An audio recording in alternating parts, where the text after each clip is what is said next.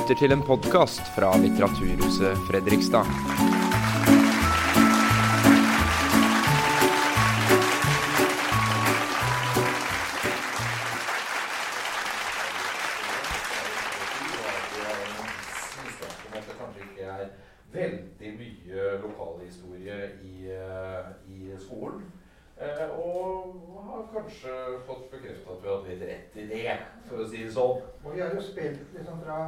Mellom første, fra første til sjuende klasse. Jeg vet ikke, Skal vi ta førsteklassevarianten i kveld, eller? Og det tenkte jeg også kanskje å si noe om at hvis dere syns liksom at noe av det vi gjør, var liksom at dere går ut herfra og tenker liksom at ja, det var, det var fint, det var kanskje litt barnslig, liksom, eh, så, så er det derfor. da. Eh, at vi har også et veldig bredt spekter å, å, spille på. Men det er bra å være barnslig. Altså. Ja. altså. Jeg har spurt mange folk her i hvorfor kalles Fredrikstad for Plankebyen. Og jeg skal ikke spørre dere, for jeg er sikker på at alle her vet det.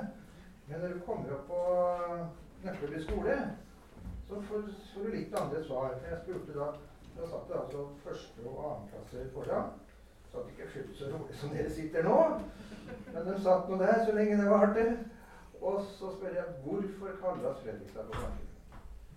Kikka på hverandre, så var en annenklassing som rakk opp og sa jeg tror det er fordi faren min har fullt av planker i garasjen sin. Det er utgangspunktet. Det er utgangspunktet, ja.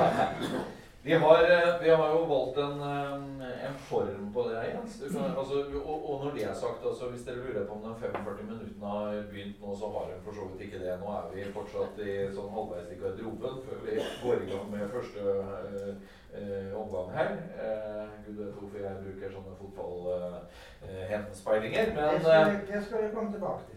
det vi også kommer til å gjøre nå altså Ikke sitt med sånn veldig med stoppeklokka, for at dere, dere får litt sånn med tillegg. da det blir litt sånn med, med, med ekstra tid lagt til, til, for dere. Uten at det blir to ganger 45. altså Det kan vi love. Men det vi skal, er at vi, vi skal fortelle historien ikke sånn fra 450 år tilbake og. Vi skal fortelle den gjennom å møte noen av de personene og institusjonene som har prega byen. Og det er jo ganske mange, egentlig. Ja. Og så har vi jo vært nødt til å Vi har jo invitert dem. Vi har invitert dem, men det var et, det var et magert budsjett for den forestillingen. Ja, Så derfor har det blitt i form av Det ble en stundtjener isteden for ja. åtte besøk. Ja, så det er en, for for 50 kroner. En uh, visesanger fra Kråkerøy som skal ikle seg det der. Og uh, det var innenfor budsjettet. Også Jens. Han har fått uh, drømmen sin oppfylt. Han skal være Skavlan i kveld, folkens. Han skal ta imot, ja, han skal ta imot gjestene. Han har korta sine klare, og gjestene kommer på løpende bånd. Ja. Men alle program har jo sin kjenningsmelodi. Det har jo. Og det er jo Unge Hermansen som da har laga all musikken. Teksten har vi gjort sammen sammen, men musikken den skal du ha ære for. Så da kjenningen. Yes. Jeg laga en sang som prøver å forklare litt hva vi skal eh, oppleve. Her er historien om Fredrikstad. Fra begynnelsen og fram til nå. Om folka som gjorde vi vår så bra. Fra de største, men også de små. For mange har prega historien her. Fra kjøpmann til stenhogger og kongens klær. Alle har bidratt med sitt mange har kjempa, og mange har slitt. Hvis det var noen som uh, kom hit nå i kveld med sånne store drømmer om å være med på allsang uh, Det hender jo at folk har forventning om det, at nå blir det sikkert mye allsang. Men det er jo en del mennesker som tror det hver gang jeg dukker opp, i hvert fall. Og uh, da må dere gjerne være med på siste linja her nå. Jeg tenker at Hvis dere har drømt om å synge allsang i kveld, så bør dere være med nå, for det kommer ikke så veldig mye mer, tenker jeg. Eh, så da har du i hvert fall også sjansen nå, og det er sånn eh, Mange har kjempa, og mange har slitt. En til. Mange har kjempa, og mange har slitt. Det var, ja, det var åpenbart mange som hadde drømt om allsang i kveld. Altså. For ingenting gjør seg vel av seg sjæl. Mange har jobba så hardt for byen, for med kraft og med tæl. Med hender så sterke og huet så smart. For mange har prega historien her, fra kjøpmann til stenhogger og kongens klær. Alle har bidratt med sitt, og nå kommer de jaggu igjen. Mange har kjempa, og mange har slitt. Nå er det vi som skal bygge på det forfedrene ga ifra seg. Historien den var, og historien er nå. Og byen, det er deg og meg. For mange har prega historien her, fra kjøpmann til stenhogger og kongens klær. Alle har bidratt med sitt, og mange har kjempa, og mange har slitt. Skal.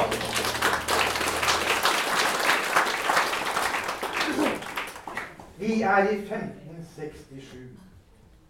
Svenskene er i krigshumør. De brenner ned for fote, og de brenner Sarpsborg. Og det er ikke lett å være sarping på den tida der heller. Å, hvilken morgenstund, livet er gull i munnen. Hva er nå dette her, da? Ja, jeg sitter her nede i København og uh, arbeider med mine dokumenter. Ja, og jeg var jo dansk, men jeg forsøker nå etter beste evne å snakke litt norsk med jer. Og jeg må jo si det at jeg har fått en mengde dokumenter fra mine embetsmenn her på morgenkvisten. Og jeg må si det at jeg blant disse dokumenter har fått en meget interessant søknad om å flytte den gamle byen Sarpsborg til Glommers munning.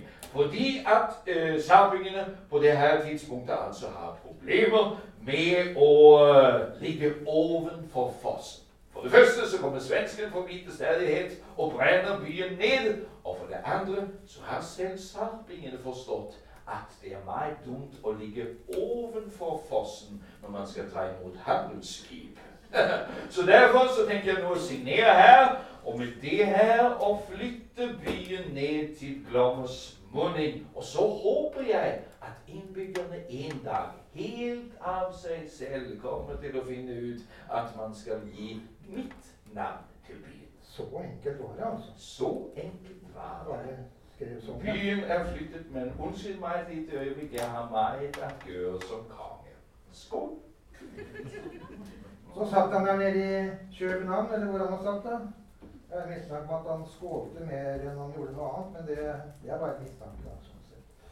Men det ble nå en by da, og det ble Fredrikstad. Men han var jo aldri her, han Fredrik. Men ble da den første byen som fikk navn etter en konge. Her sitter jeg nede i København, i Amalienborg slott. Kong Fredrik den anden er jo mitt navn. Av Danmark Norge, det er jo flott. I morges da flyttet jeg Sarpsborg by. Det hendte med penn og papir. Jeg flytter til en plass der er ny. Jeg håper det lykke gir. Og byens borgere vokser meg, det ville jo hjertet mitt lær. Og innerst inne håper byens navn blir Fredrikstad.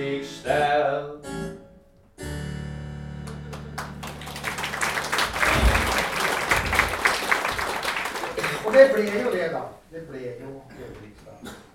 Men det var jo diskusjon om hvor skal egentlig sentrum ligge. Og det som var rare med den diskusjonen, vi diskuterte enten på Østsiden eller på Gressvik. Jeg tenkte dere det liksom Fredrikstad sentrum var lagt på Gressvik. Men det var altså veldig mye båtanløp, og det lå veldig bra til. Men det ble nå ikke det, da. Men det ble jo mye krangler også.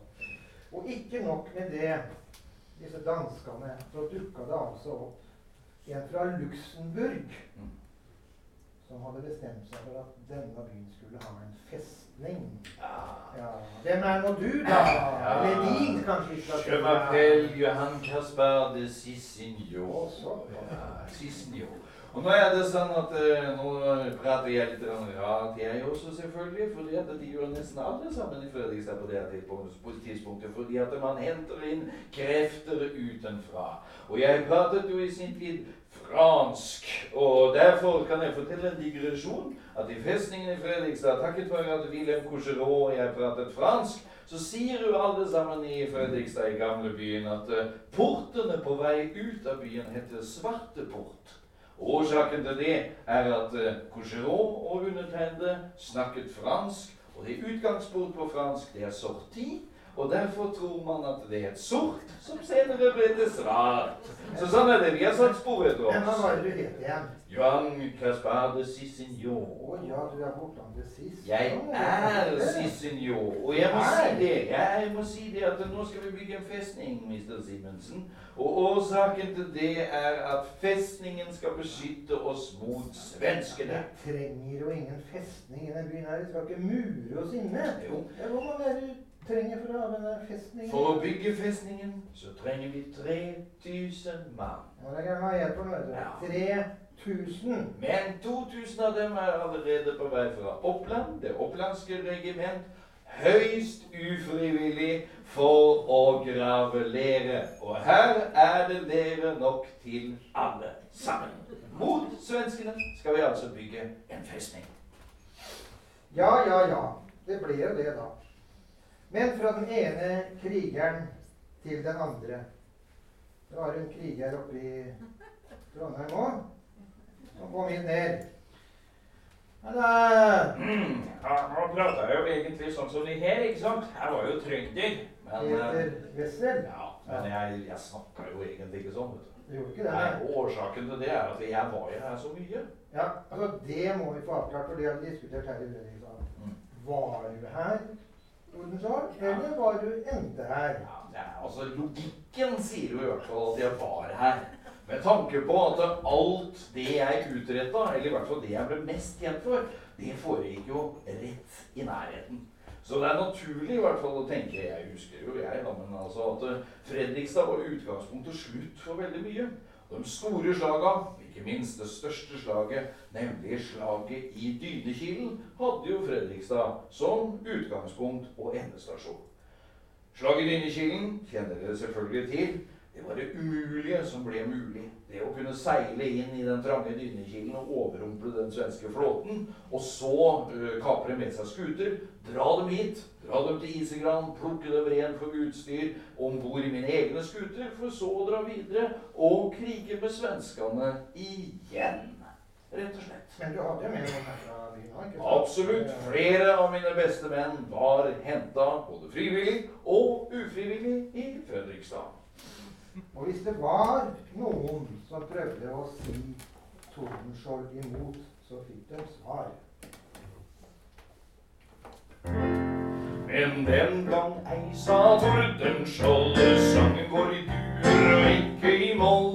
Den gang ei sa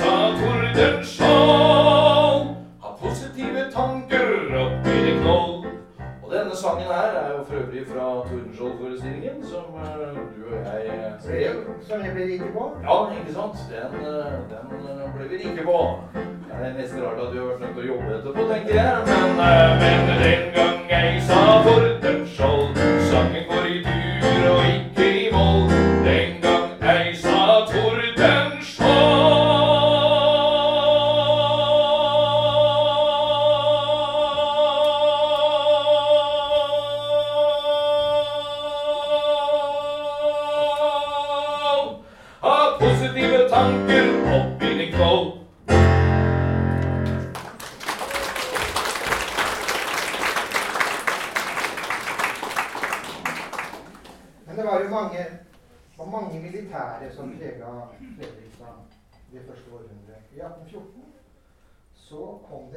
kommandør som het Hans.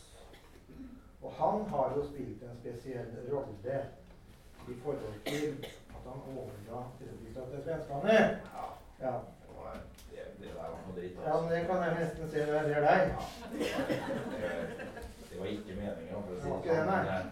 Nei, altså jeg, jeg fikk jo panikk, da, på en måte. Det, er jo- det, det er så rart. Jeg er jo ikke den første som har fått det etter å ha sett svensker, for å si det sånn. Jeg, jeg levde jo for så vidt i ro og mak. da, Visste jo at ting skjedde. Og Danmark, Norge hadde jo mista altså, Norge Kiel-freden fordi at Napoleon hadde tapt og alt dette greiene her. Og, så visste vi jo det at svenskene var på vei, men at de liksom skulle komme akkurat da, det, det hadde vi jo ikke trodd, altså. Og det første observasjonen det er jo et par skuter som uh, ankra opp nede ved Alsus. Og det kunne jo ses da, bl.a. fra Kongsberg Fort, som sendte bud ned til meg i gamlebyen da, og, og lurte på hva de skulle gjøre. Og jeg, altså, jeg fikk jo panikk, så jeg sa 'skyt', sa jeg. 'Skyt'! Umulig avstand å skyte, for så vidt. Eh, og årsaken til at skutene lå der nede, var jo det at eh, den svenske prinsen, Karl Johan, han hadde jo bestemt at de skulle gjøre stormangrep på Fredrikstad. Men eh, når de kom da opp gjennom Kjøkøysundet, det gikk så det kosta visstnok, så kom de da opp til Alsus, så leia vinden fullstendig. Og det ble nordavind. Og ikke engang svensker greier stormangrep i motvind. altså. Så det gikk jo dårlig, da. De ankra opp eh, der, og så fikk jo vi se dem, og så skjøt vi.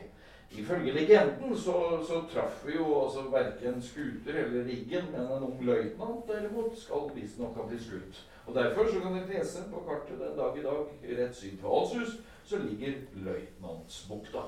Uansett, jeg pusta jo letta ut og tenkte at nå, nå er faren over og greier, så jeg gikk tilbake til mitt, jeg, og så smalt det igjen. altså. Og det, altså det som skjedde da, det var jo at eh, prins Karl Johan han hadde jo en plan B. Og han hadde jo da flere tusen mann som satt oppe i skauen på Kråkerøy. Et borettslag som jo nå heter Svenskeberget. Det ble etablert den kvelden der. Og eh, det som da skjedde, var at eh, ja, det var styremøte og allting, og så gikk de da ned, og så marsjerte de ned til kanalen Nøkkeldypet, som dere kjenner den som nå, Kroppelig båtforening. Og så tok de Isegran i løpet av kort tid, og det var jo kjapt gjort, fordi at eh, ja, altså Isegran har jo i det hele tatt altså bomma litt på timinga en del, kan du si. Så eh, altså to uker før så forsvant jo alle kanonene på Isegran. Ja. Fordi at vi var jo helt overbevist om at svenskene ikke kom derfra, men i Sars. Ja, nemlig. ja, de kom vi plasserte dem i Sarpsborg. Så eh, det var jo en tabbe, da. Og på Isegran så har det jo alltid vært mye båt. Det er jo en dag i dag. Og der hadde jo da dansk-norske flåten, flåten sine småbåter og sånn. Og da begynte de å sjøsette dem på Galeistranda. Begynte å ro pent over. Og baksiden på festningen, det er jo i den retningen. Framsida, det er jo mot øst, ikke sant. Og der vi trodde vinden skulle komme. Der svenskene tross alt bor. Men så kommer det altså fra baksiden, og festningen har rasa ut flere steder, og vi er bare 280 mann. Så dessverre Vi var sjanseløse. Jeg heiste det hvite flagget. Det var det jeg gjorde. det hvite flagget. Ja, eller jeg gjorde vel ingenting i det, da. Jeg, jeg fant ikke det hvite flagget. Jeg fikk panikk, så jeg grep tak i brudekjolen til dattera mi. Ja, men jeg hadde, jeg hadde flaks, da. At uh, brudekjolene var hvite det året. Fordi at de hadde vært moderne både svart før og etter 1814. Men eh, jeg vifta i hvert fall det fram og tilbake, og overga festningen. Og så vil jeg si én ting, bare for å forsvare meg sjøl. Eh, vi kan vel si at eh, jeg var vel den første bevareren av gamlebyen. For at da hadde Jo, men altså, jeg la meg snakke ferdig nå, Skavlan. Altså, hadde jeg rett og slett ytt motstand, så hadde svenskene gjort som de gjorde mange ganger før. Brent byen ned. Og dere hadde ikke hatt gamlebyen. Men jeg har hørt en annen forklaring, en annen variant av den historien. Oh. Ja. ja. Og Det har med kona di å gjøre, for det er hun som er sjefen, ikke sant? Ja. På folkemunne så har vel den historien gått en liten ja, det er en god historie, men jeg savner det ikke, så ja, kom igjen, da. Svenskene kom klokka halv fem. Og eh, jeg var jo kommandant på jobb, men det var jo ikke hjemme, for å si det sånn. Og kona mi Mathilde hun serverte jo middag hver dag klokka fem. Eh, Så jeg overga meg rett før det. Så det siste jeg gjorde, og det er vel også loggført, at det siste jeg gjorde i kommandantboligen før jeg forlot stedet, det var å spise skinkestek og stuttkål, hvilket er det beste jeg vet. Og så tok Karl Johan, Jean-Baptiste Bernadotte, over festning og kommandantbolig. Det var historien om hans. Men Hermansen, vi Ja. nå vender tilbake. Det var jo motsetninger mellom vest og øst Det var jo det. For i starten, når Sistiong og gutta herja, så var det jo stor motstand. Eh, Det er som en spøkefullt sier, hvis du tror bråket i gamlebyen er en nyoppfinnelse, så er det ikke det. Det har vært tradisjon for i all tid. Og den lever jo beste velgående, uten at jeg tror nødvendigvis den er verna. Men skulle jo tro innimellom. Men det som er, er at eh, Fikk noe øret her nå. Men eh, det som er tilfellet, er at allerede fra starten av da festningen ble bygd, så var det motstand fordi at man tok gode tomter, og at mange hevda at eh, nå murer vi oss sjøl inne. Vi klarer aldri å mure fienden ute, og nå har vi jo for så vidt fått svaret. Vi gjorde jo ikke det når svenskene først kom. Men det som i hvert fall skjer, er at eh, byen blir for liten. Det er for lite areal. Og hva gjør de? De flytter over til vestsiden etter hvert. Og Noe av foranledningen for det er jo at det har blitt mulig å seile gjennom her. Fordi at uh, 1830-åra så mudres det i området utafor Isegran. Plutselig er det mulig å komme seg gjennom. Og er klar over det at området der møllehjulet er nå, det var nesten bare en myr. Uh, mens plutselig så slipper man også elva igjennom på en helt annen måte. Og da blir byen etablert her. Men problemet er jo det at de rike, veletablerte og konservative og mektigste befinner seg fortsatt i gamlebyen. Men på denne sida her så er det fattigfolket som slår seg ned. Det er arbeiderne som får fotfeste. Og man lager altså ikke en utvidelse av byen, men nesten en ny by som fører til motsetninger dem imellom. Men motsetninger til tross, så er jo ingen tvil om at det er elva som har skapt veldig mye. Og beliggenheten, beliggenhet ved elvutløpet, som har gjort at vi har utvikla industrien, sagbruksindustrien, verkstedindustrien med mere. Så kanskje vi skal prise elva. Nå hører jeg helt strålende utsikt. Nå sitter jeg og ser akkurat mot det jeg synger om. Jeg blir ikke fornærma hvis dere surrer. Altså, det er helt ålreit. Se på elva. Er det heldige? Nå har jeg ikke tima det riktig, men er dere heldige, så kommer ferja akkurat når jeg synger om det nå. Da er det perfekt. En sang, en hyllest til elva. Uten den hadde vi aldri vært her. For tenk denne byen uten elva. Den er det viktigste som er. Kommer jo elva, og akkurat her møter den sjøen. Mange har hatt nytte av elva. Den har gitt erbe, og den har gitt lønn.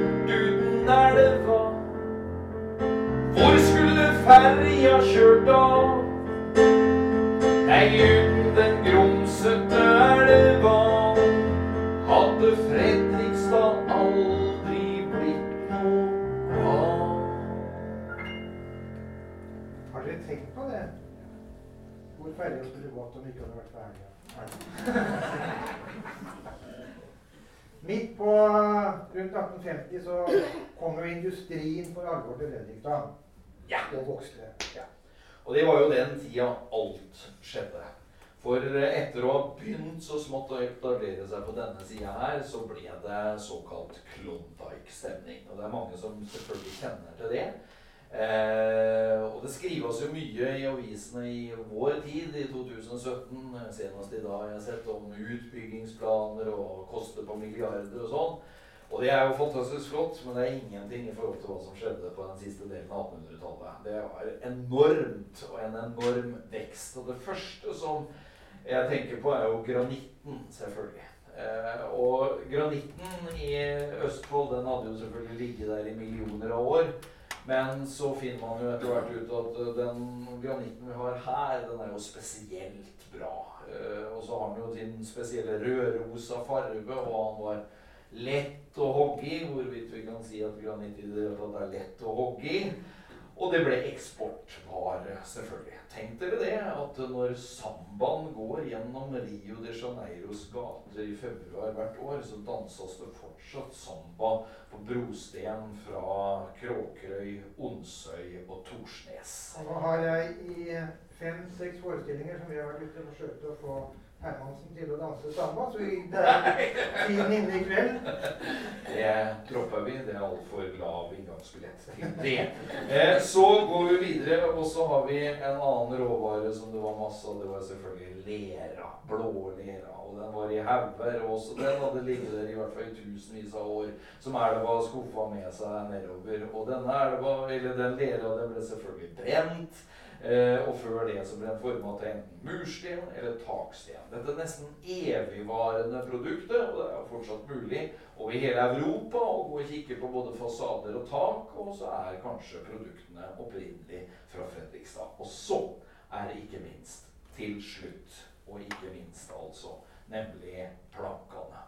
Det var jo sånn at uh, det var uh, fabelaktige fasiliteter for det. Når sagbruksprivilegiene i sin tid ble oppheva, så ble det naturligvis da etablert Eller naturligvis og naturligvis, det kom kapital utafra, og så ble det etablert sagbruk men, her nede. Men ja. Alexander, før vi går inn på, på den delen mm.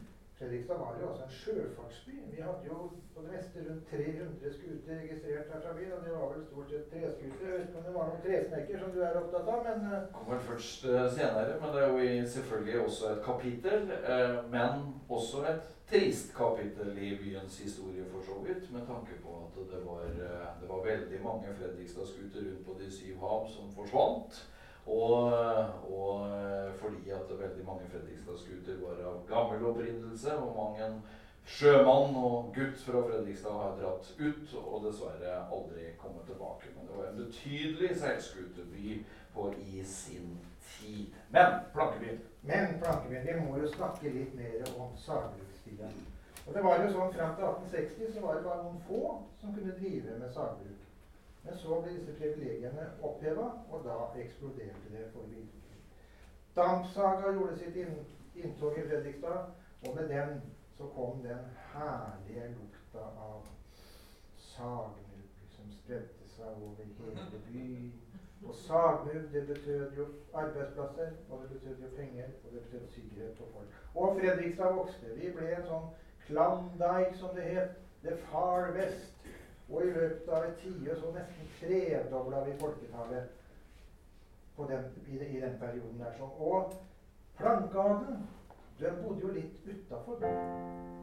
Og vi kunne på den faste promenadetiden klokka syv om aftenen så kunne man se plankebaroner som Anders Kjær, Julius Nikolai Jacobsen, Anton Bernard Nilsen og de andre grosserende spankulere færreste veien. Men viktigst av alt, det er snakke Det spørs om noen vil huske meg. Han sliter som kava og slet. En som bygde og plankebyen var vel meg, men det er endte noen som vet. Leser du litt historie, så leser du om konger og slott. Det endte de vanlige som får glorie, vi mange må leve med smått. Jeg går gjennom livet på skakke, der baroner har floss og monokkel. Men det er vel handelen skal takke. Sjøl havner jeg aldri på sokkel. Jeg blir nok ikke så gammel og grå. Til det har jeg slitt altfor hardt. Jeg ser opp mot sola, og himmelen er blå. Når hverdagen og livet er svart. Jeg går skakke. Der baroner har floss og monokkel. Men det er vel han den skal takke. Sjøl havner jeg aldri på sokkel. Der tok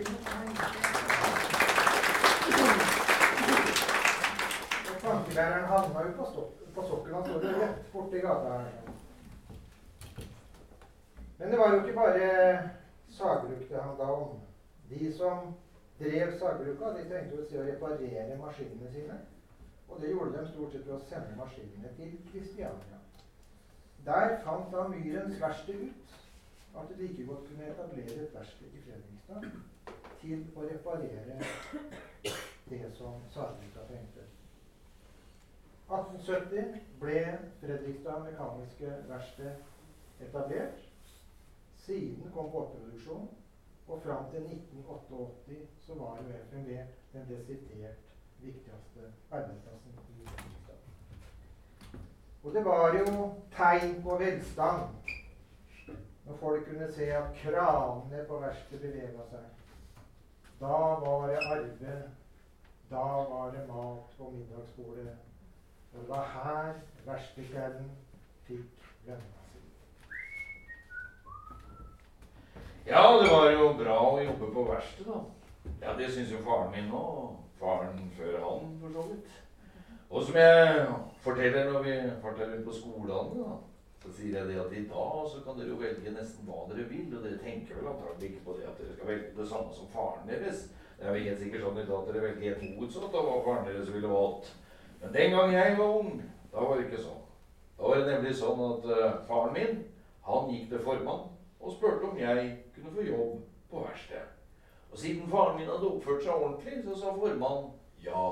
Og så begynte jeg der, kort tid etterpå. Og det er en fantastisk arbeidsplass.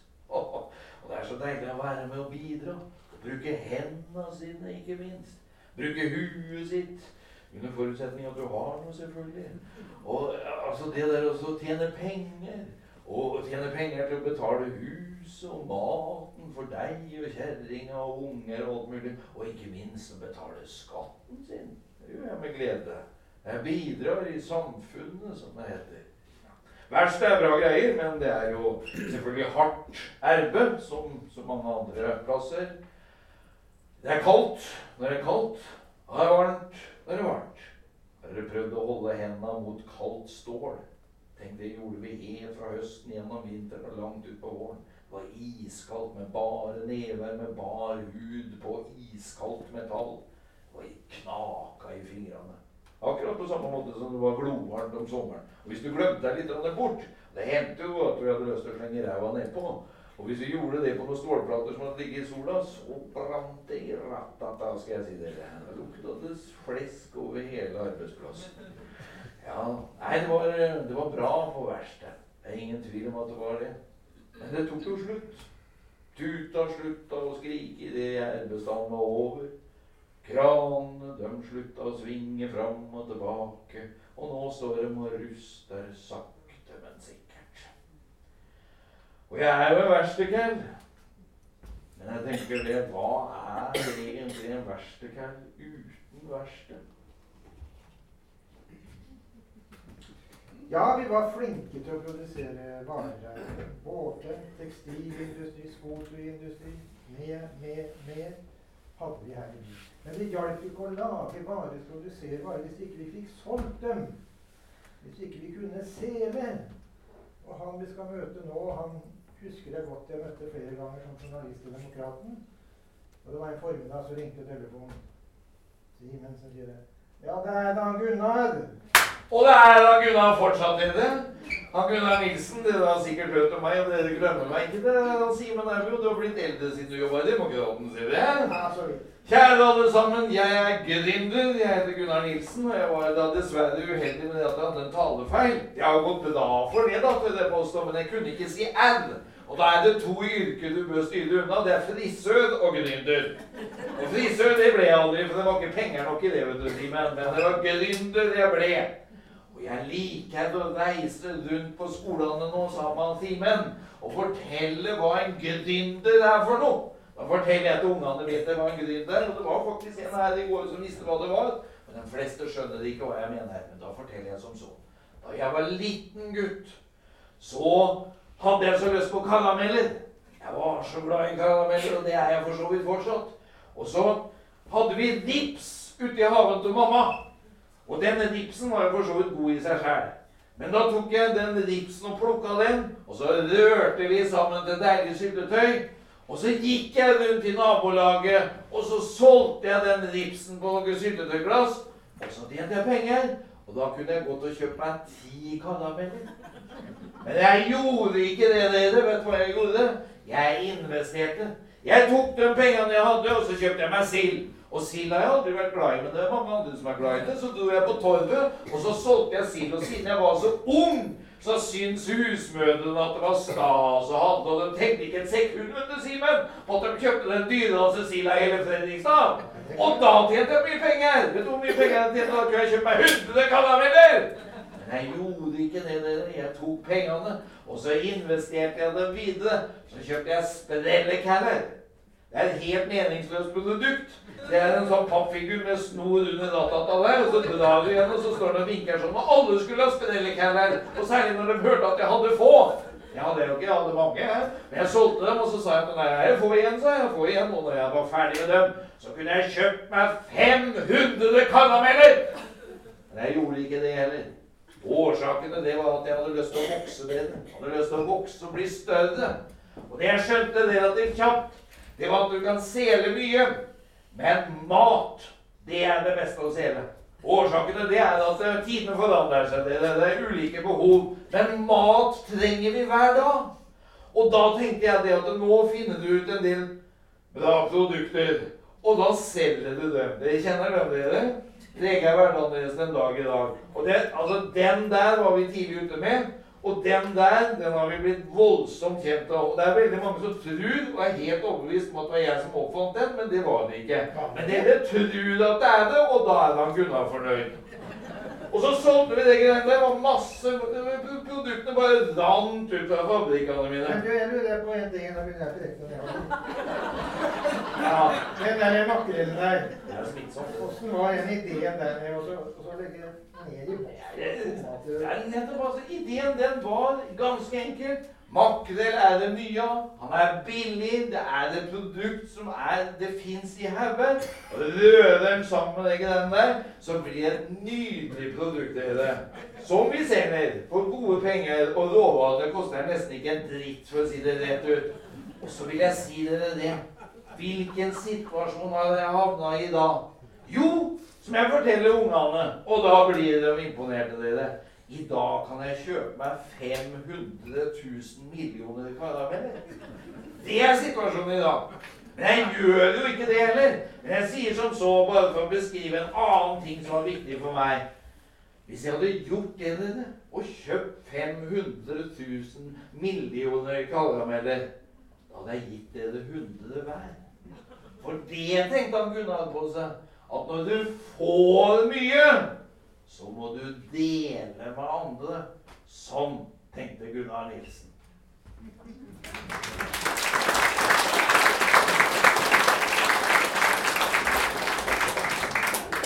God moral der, dere. Har du til å del. Nå har vi gått gjennom litt av historien, og dere har kanskje lagt merke til en ting, at det har ikke vært sjenerende mange kvinneskikkelser som vi har vært igjennom. Og det er jo et problem når vi leter historia, å finne de store, markante kvinneskikkelsene på denne tida her sånn. Ja, det er noen, men det er ikke så veldig mange her i byen. Men det har selvsagt noe med kjønnsrollemønsteret å gjøre. Kvinner fikk jo stemmerett først i 1910. Og det ligger jo fortsatt litt å gå på på det området der, tror jeg vi kan si. Så ja da, jeg vet. Men til alle dere jenter som er her, vi har selvsagt skrevet en liten hyllest til kvinnen. Historien er full av mannfolk som var mye av før. Men ved sida sto snaute kvinnfolk og bidro som kvinnfolk gjør. De bidro med sitt i det stille, der mannen var synlig og klar. De bidro med sitt i det stille, men vi vet bedre, vi vet hvem de var. For ingen historie uten kvinnfolk, og det dem har slet i og gitt.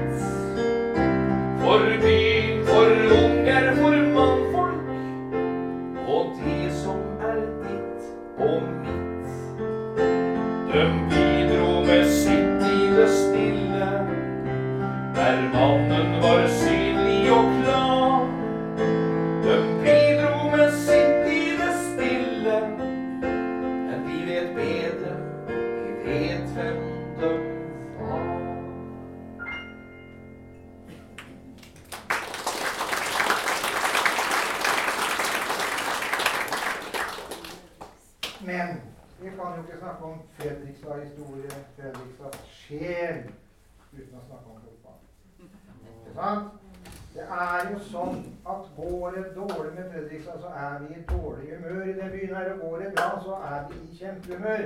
Og nå tror jeg vi har vært i dårlig humør altfor lenge. Jeg må jo bare si det at de her oppturene nedturene, der går meg hus forbi, Simensen. Ja, det vet jeg. det vet Jeg jeg. lever et veldig monotont liv sånn på midten et eller sted. Eh, Det er jo fint. men, men du vet Altså, jeg er helt tåpelig, skjønner du. Vet du at det var seriestart nå, da? Ja, jeg fikk med meg det. fikk med seg det. Og før seriestarten nå, dere, om søndagen Det var dårlig med treningskamper. Det var så det vi reiste til Kristian. Taper vi 4-0 eller 5-0? Herlighet, åssen skal det gå? Og så spilte vi 2-2. Skulle egentlig vunnet 2-1. Vet du hva 2-2 betyr for noe? Begge vant. Helt suverent også. Jeg, jeg vet såpass.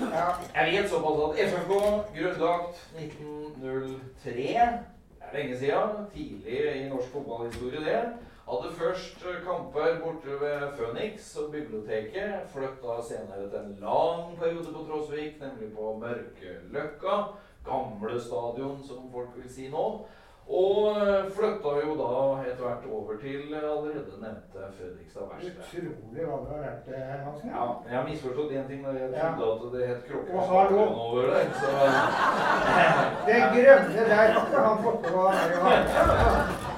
Jeg tenker som så at uh, Ja, Jeg fortell om fotballkarrieren din, altså vi får gjort det. ja, ja, er jeg, lang karriere, altså. jeg, har, eh, jeg har jo da eh, en del kamper, da. Jeg jo for, for Kråke, nei, for Trolldalen idrettsforening, faktisk. Jeg kom aldri dit engang. Men jeg skal si dere én ting. Og det er at altså, allikevel, som ikke fotballinteressert, så er det klart at man ser at FFK i Fredrikstad er en betydelig del av byens historie. Det er ingen tvil om det. Og det tenker jeg at hadde det ikke hatt den delen av historien, så hadde det pga. siste års eh, elendige resultater antagelig ikke vært noe engasjement igjen i det hele tatt.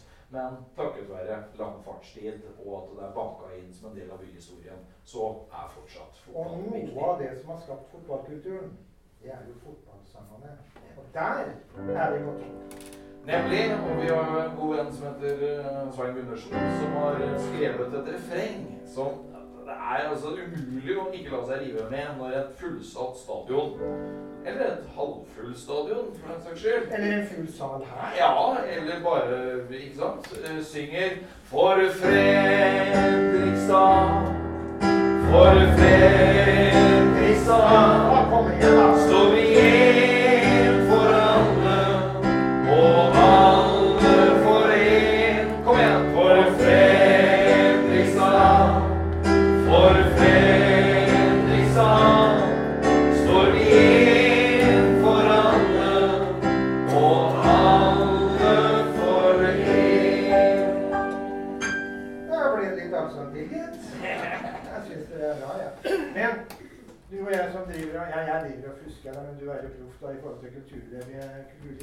er jo også en kulturby. Yes. Og vi har jo, vi har jo litt å skilte med på kulturfronten. Ja. Ikke minst så altså, Nå har jo den byen her hatt en sånn uvane til påstå, med å skulle kalle seg noe hele tida. Så det har jo vært skuteby og miljøby og teaterby og revyby og til og med noen har prøvd å kalle den Torvbyen. Men eh, det er sånn at det, altså, det har vært veldig mye identitet rundt og godt, da, men det er jo ingen tvil om at teaterby og kulturby er jo også relevant og har vært det. Eh, det skal straks eh, hylles en institusjon eh, oppe i gata her, nemlig Tivolihaven Arbeiderforeningen. Det var kjempebetydning. Og en som jo starta der i sin tid som ung og ukjent, det er en herre fra Fredrikstad, fra Brogata, og som jo har det veldig vanlige navnet Arne Svendsen.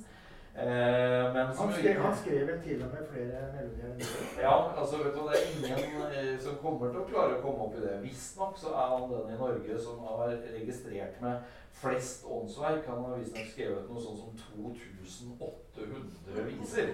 Eh, og verst av alt og du har ja, ja, og 28 kanskje. Men eh, det er altså, og, og, og ikke er det bare kvantitet heller, men selvfølgelig også kvalitet. Og det morsomme er, litt sånn dratt til skolene igjen, altså den 80 år gamle cirka da, sangen 'Gøy på landet' vi ja, men du, vi, vi må snakke litt om film òg. Ja, jo da, vi skal straks gjøre det. Men altså, gøy på landet. Den 80 år etterpå så kan skoleelevene den fortsatt. Den revyvisa skal vi straks avfyre. Men så er det jo ikke Arne Svendsen er jo én ting. Terje Formoe må jo også nevne. Kaptein Sabeltann fra Fredrikstad. Eh, og også selvfølgelig mange andre, eh, både lokalt og nasjonalt, og også internasjonalt. Og så var Jens inn på det der med film. Og vi kommer jo ikke utenom en som skiller seg ut på mange måter der, nemlig Harald Svart. Årsaken til at Jens vil at jeg skal snakke om det, det er at eh, du har jo holdt på å være med i en sånn Harald Svart-film. The Snake.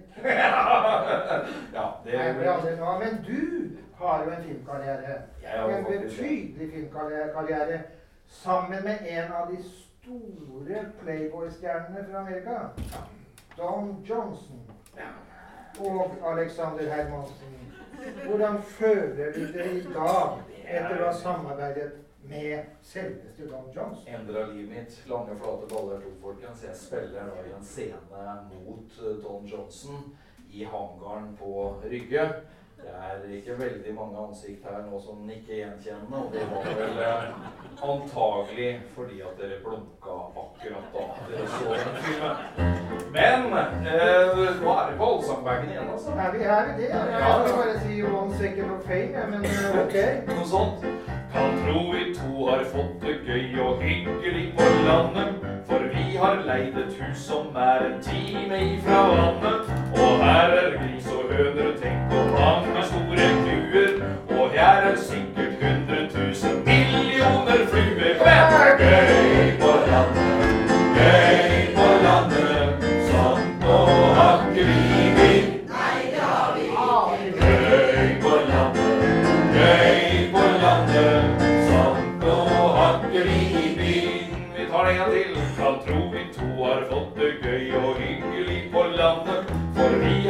et hus som er en time ifra vannet.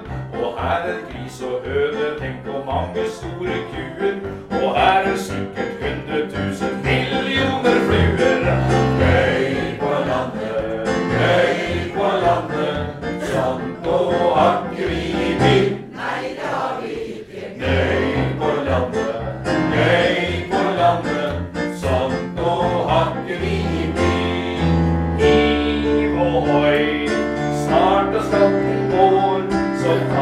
ta det rolig de neste hundre år. Så kan vi ta det rolig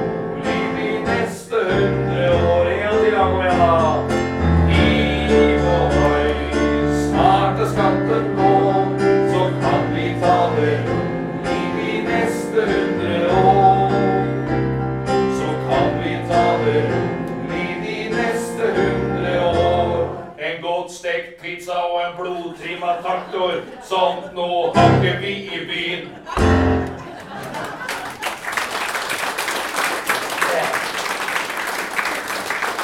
Syns, eh, uh, du var på plass å bringe inn høykulturen litt sånn på slutten Ja, der, som du dere sikkert skjønte. Det var jeg skulle si at det er jo også en del av Fredrikstad. da. Det er en kultur, det er folkelig kultur. Det er den som vi ser på som kanskje ikke alle sier at vi liker, men vi syns det egentlig er ålreit. Nærmer oss slutten på vår eh, lille skråreise gjennom 450 år på vår lille måte. Har du noe mer å si til slutt, Hermansen? Ja, vi kunne selvfølgelig invitert en drøss gjester til på det der uh, hattestativet der, eller hva vi kaller det. Uh, Men uh, uh, dette var i hvert fall et lite utdrag av dem som er. Og som vi også forteller kidsa. Uh, og som vi sier i sangen, at historien den var, men historien er jo også nå. Og ja, om 50 år, når noen drar rundt på noe tilsvarende, så er det kanskje dere eller noen andre i samtiden som henger akkurat der. For det kommer flere personligheter. Det er ingen tvil om det. Så da runder vi vel av med vår lille kjenningsmelodi. For dere i Staren er til den siste linja. Den kommer til etter hvert. Her er historien om Fredrikstad. Fra begynnelsen og fram til nå. Om folka som gjorde byen vår så bra. Fra de største, men også de små. For mange har prega historien her. Fra kjøpmann til stenhogger og kongens klær. Alle har bidratt med sitt. Mange har kjempa, og mange har slitt. For ingenting gjør seg vel av seg sjæl. Mange har jobba så hardt. For byen, for folket, med kraft og med tæl. Med hender så sterke og huet så smart. For mange har prega historien her. Fra kjøpmann til stenhogger og klær. Alle har bidratt med sitt. Mange har kjempa, og mange har slitt. Og som vi også spør eh, om eh, Jens, det syns jeg er på sin plass å spørre dere om òg. Og det er antakelig svaret gitt siden dere sitter her, men uh, dere er ganske glad i Fredrikstad, er dere ikke det? Det er bra greier, vet du. Det er, uh, det er en oppegående jubilant, det er ingen tvil om det. Nå er det vi som skal bygge på det forfedrene ga ifra seg. For historien den var, historien er nå. Og byen, det er deg og meg. Og mange har prega historien her. Fra kjøpmann til stenhogger og kongens klær. Alle har bidratt